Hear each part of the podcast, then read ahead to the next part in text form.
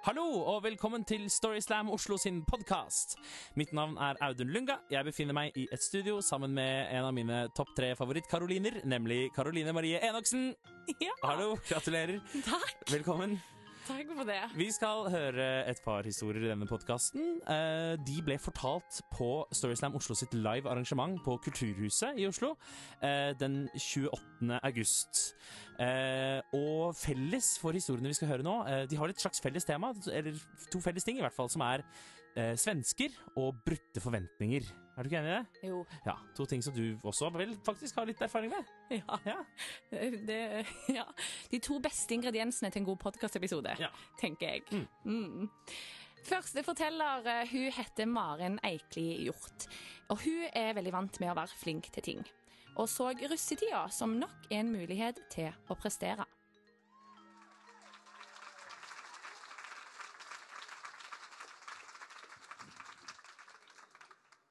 Jeg var eh, i en barnedåp jeg, for noen uker tilbake. Eh, og til min store lettelse og politisk ukorrekte ærlighet så serverte de grenseløst med vin. Med andre ord så ble det en veldig trivelig søndag formiddag. Så jeg gikk rundt med et glass rødt i hånda da, og konverserte uproblematisk med folk jeg aldri hadde møtt før. Helt til jeg støtte på faren til en veldig god venninne av meg. Maren, sa han. Du, nå skal jeg si deg en ting. For meg vil du alltid forbli én ting. Russetiden. Smak litt på det ordet. På assosiasjonene som oppstår. En frihetsmarkering. Kyssesyken. Bakteppet til skam. Personlig da, så gledet jeg meg sykt til russetiden. Og først og fremst fordi det var nok en mulighet til å prestere. Jeg hadde fått toppkarakterer i alle fag og skulle søren meg klare å få sekser i russ også. Øvingen på russeknutene begynte måneder i forveien. Under hvert måltid jeg spiste, så puttet jeg tamponger i munnen. Til hver vinflaske jeg drakk, så satte jeg på timer. Og jevnt og trutt så leste jeg, Oslo, leste jeg meg opp på Oslos historie for å bli en god guide i kollektivtrafikken. Listen var lang. Jeg hadde også investert konfirmasjonspengene mine godt i det utstyret som måtte trengs. Den gode eleven som jeg var. En kjempefin russebukse med påsydde perler. Matchende T-skjorter i fargene rødt, hvitt og marineblått. Og en bamsegenser av det bamseste slaget. Om jeg var klar! Mamma og pappa de var veldig stolte av meg. Og så kom den store dagen som skulle igangsette alt. Russedåpen. Så jeg stelte meg opp på linje sammen med alle de andre og gjorde meg klar til å ta meg øl over hodet. Russepresten kom, bort til meg, og alvorets time var kommet. 'Her er ølen din', sa han. 'Chug', og så heller jeg det du ikke klarer å drikke, over hodet ditt'. Jeg tok imot ølet, trakk pusten og gjorde meg klar. Dette hadde jeg øvd på. Dette skulle jeg klare. Jeg begynte å drikke. Én slurk, to slurk, tre slurk. Og ølet gikk i vrangstrupen. Hostingen kunne ikke stoppes. Jeg så meg rundt og oppdaget et hav av leende mennesker med mørk latter i slow motion. Ølet traff hodet mitt og rant nedover nakken min. Bamsegenseren ble forherdet. Jeg smilte tappert, løp bak et hjørne og tok opp mobilen min. 'Mamma, kan du ringe meg?' 'Nei, kan du, kan du ikke ringe meg, men kan du hente meg?' Noen dager senere så sto Tryvann for turen, og selv med et lite sekk i motivasjonen min, så var jeg klar til å dra etter en liten oppmuntrende prat med min mor. Du er bare ung én gang. Alle vennene dine skal dit. Du trenger ikke være engstelig. OK, mamma. Takk, jeg Åh, jeg, jeg, jeg stoler på deg, svarte jeg og tok på meg en stygg hettegenser jeg ikke var redd for. bare sånn i tilfelle. Så kommer jeg fram til Tryvann da, og slår ut håret og um, prøver å slippe meg løs i havet av hoppende kropper. Helt til jeg kjenner at underdelen min blir aldri så tyngre. Jeg tenker bare Ikke vær nervøs, dette klarer du! Men uh, magen min hørte visst ikke helt etter. Jeg fortsetter å hoppe helt til uh, underdelen min blir aldri så tyngre. Jeg stopper opp og merker at menneskene rundt meg også har stoppet å hoppe. Ansiktene deres vrir seg rundt og blir som et mareritt fra helvete. Lukten hadde spredt seg som ild i tørt gress. Jeg eh, presset meg gjennom folkemengden, løp bak en busk og tok opp mobilen. Det var pappa som måtte hente meg den kvelden. På natt til 17. mai så regnet det. Himmelen var bekmørk, og jeg ble hjemme med mamma og pappa i pysjen for å se på Jurassic Park. På selveste 17. mai så gikk jeg ikke i russetoget. Jeg satte meg på første tog til Gøteborg for å komme meg vekk så fort som fry. Russeklærne skulle tas med og aldri komme tilbake igjen.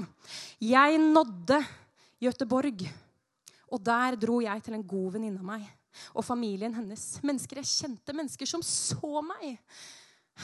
Og vi slappet av sammen, tenkte på alt annet enn å prestere. Vi tok et glass vin, et til, enda et, og før jeg visste ordet av det, så begynte vi å feste. Først i det små, og så i det store. Og jeg husker faktisk kun resten av den festen i flashbacks. T-shots foran meg som blir borte på et blunk. Meg på et glassbord som går i tusen knas. Stemmer rundt meg som roper 'Maren, Maren, Maren'. Altså navnet mitt. Og vi danser inn i solnedgangen, gjennom nattens mørke, inn i morgengryets rosa himmel med glitter i øynene og med armene rundt hverandre. Stoppet tiden opp et lite sekund, og alt ble helt stille. Alle som orket å stå opp til frokosten dagen derpå, var ikledd solbriller og klærne fra kvelden før. Med andre ord så var russebuksene fremdeles lenket i beina mine. Det var da min, eh, min venninnes far begynte å le. Og han lo og han lo og han lo. Og han dro alle med seg opp i løftet. Og så så han på meg. Meg. Som om jeg var årsaken til festens utbrudd. Maren, sa han. Du, nå skal jeg si deg en ting. For meg vil du alltid forbli én ting. Russemaren. Så fikk jeg kanskje ikke sekser russ i Norge. Men i Sverige så besto jeg faen meg med glans. Tusen takk for meg.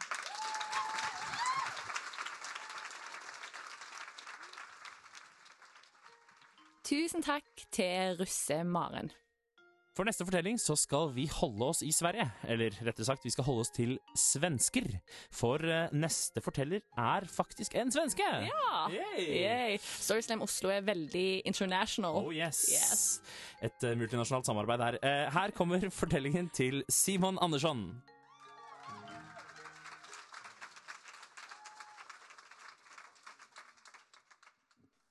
Jeg skal berette om eh, når jeg fikk sparken fra mitt jobb i London. Året var 2017. Jag hade precis blivit dumpad av min käresta eh, och fått reda på att hon varit otrogen. Så efter gråtit mig själv till sömns i cirka en månad bestämde jag mig för att få en förändring. Jag sålde mina ting, sa upp min lägenhet och slutade skolan och flyttade till London. Min plan funkade helt perfekt. Istället för att eh, vara i Göteborg i en lägenhet och gråta så var jag nu i London och grät istället. Eh, men jag hade mycket att sysselsätta mig med. Jag skulle fixa jobb. Så jag gick runt till butiker och delade ut CVn. Jag fick svar från en butik som hette Tyrack. Tyrack betyder då liksom slipshylla på norsk eller på svensk. Eh, och de, eh, de sålde slipsar, kärv och andra accessoarer. Jobbet gick ut på att gå runt och pynta i butiken, hjälpa kunder och stå i kassan. Jag var inte så bra på att ta hand om kunderna. De kom fram og sa Passer den här slipsen med den här skjortan? Jag sa ja, jo, det gjør den vel, eller? Ja, kanskje. Men jeg var veldig flink på system, exempel kassan, så jeg fikk nøkkelen til butikken relativt fort. Så første dagen som jeg skulle åpne butikken selv, så i stedet for å stå og pynta som man skulle gjort, så stod jeg i kassan. Butikken var formet som et L. Så vid foten av ellet så var kassan och fronten var liksom eh, toppen på ellet. Så när man stod vid kassan så såg man inte fronten. Så en timme senare kommer min kollega in och hon spör eh, Simon, var är alla våra varor? Jag tänker, det var ju en dum fråga. Jag huskar inte att jag sålde så mycket den timman. Någon har varit inne och stjält halva butiken. Eh, det blir polisanmälan. 80 000 kronor borta. Det här var inte grunden till att jag fick sparken. Det blir värre. Eh, det här är grunden till att jag fick sparken. Eh, vi blev ofta ivägsända till andra butiker. Så denne dagen jobbade jeg på Charing Cross Station, som togstasjon. Det var en veldig liten butik. Det var bare jeg og en annen kollega. Det var ingen manager og ingen supervisor. Eh, så jeg stod ved kassan. Eh, min kollega stod och packade upp sommarkollektionen. Så när hon gör det så ser jag ett nytt skärf som kommit ut. Och det är något intressant med det. Den har hakors på sig. Och inte bara ett, utan massa hakors i en lång rad, både på toppen och botten. Och nu vet jag att det är någon där ute som tänker, ja, ja Simon, var det verkligen hakors eller var det indiska solsymboler? Men då kan jag säga till den nörden att jag vet förselen. Det här, det var 45 grader vridna, perfekta, fina hakkors. Eller fi, fina hakkors, alltså det... Nazism är lite kontroversiellt så vi säger det, det var bara hakkors, vanliga hakkors. Jeg jag tyckte det var väldigt morsamt. Eh, men jag vet i Sverige är det inte lov att sälja ting som har hakkors på sig så jag tänkte jag skriver ett mejl. Problemet er at jeg ofte forsøker å være morsom og problemet er at jeg ikke ofte liksom, min humor kommer ikke riktig fram Og spesielt ikke i mailformat. Overskriften var Frangie gone mental? Spørsmålstegn. Frangie er altså eieren til butikken. Mental er altså mentalt sjuk på engelsk. Resten av mailet var så her. Ni borde skämmas. Er det et sett for å forsøke å hedre den gamle pakten mellom Italien og Tyskland? Ni borde bränna alla dessa kärv offentligt på tv och be om undskyldning till världens alla gödar. Det här tyckte jag var morsamt. Jag tycker det men... Eh, eh, ja, så jag tyckte det var så morsamt så alla butiker jag jobbat i London skulle se det här så jag klickade send to all. Eh, min kollega var jøde, og jeg tenker jøder har oftest bra humor så hun kommer säkert tycka det her er morsomt. Så jeg viser det for henne så kunne vi le sammen. Hun syntes ikke det var morsomt.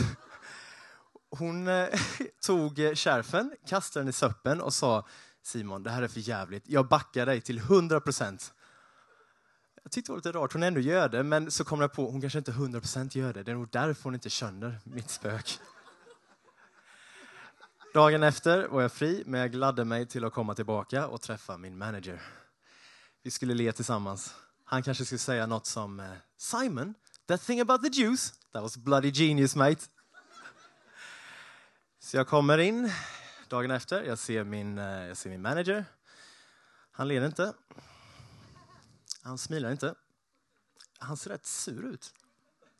Men då kom jag på, han, han har inte läst mitt mail. Så måste det vara. Så jag går fram till honom och säger, så, såg du mitt mejl? Han sa, ja, jag gjorde det. Eh, vi ska ta och snacka om det. Så vi går ner till hans kontor. Han förklarar att jag har inte sänt det här till alla i hela London. Jag har sänt det till alla i hela världen. Jag har sänt det här till Australien. Jag har sänt det till Nya Zeeland. Jag har sänt det till Kanada. Jag har inte jobbat där. De vet inte vem jag är.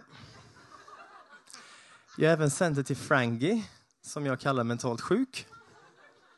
Han tyckte inte heller det var så morsomt. Han tyckte det var ärekränkning och han har saksökt mig. Jag försökte försvara mig genom att säga att det var ju faktiskt ett spörsmålstecken. Det var bara ett spörsmål. Men min manager tyckte inte det var bra försvar. Eh, resterande tre timmar sitter jag och går igenom ord för ord, rad för rad vad jag tyckte var morsomt med det här mejlet. Tredje gången jeg jag försöker förklara vad jag menar med hedra pakten mellan Italien och Tyskland. Du vet eh, Mussolini, Hitler, eh, i hakors. Så säger han, du får sparken. Eh, min manager tyckte inte att det var något fel på den här, på den här men jag såg samma dag senare, hade de sänt ut ett PM internt i systemet där de sa att det här kärfen med serienummer bla bla bla får icke lov att säljas då du har kvalitetsproblem. Så jag tycker i slutändan gjorde jag någonting gott i alla fall.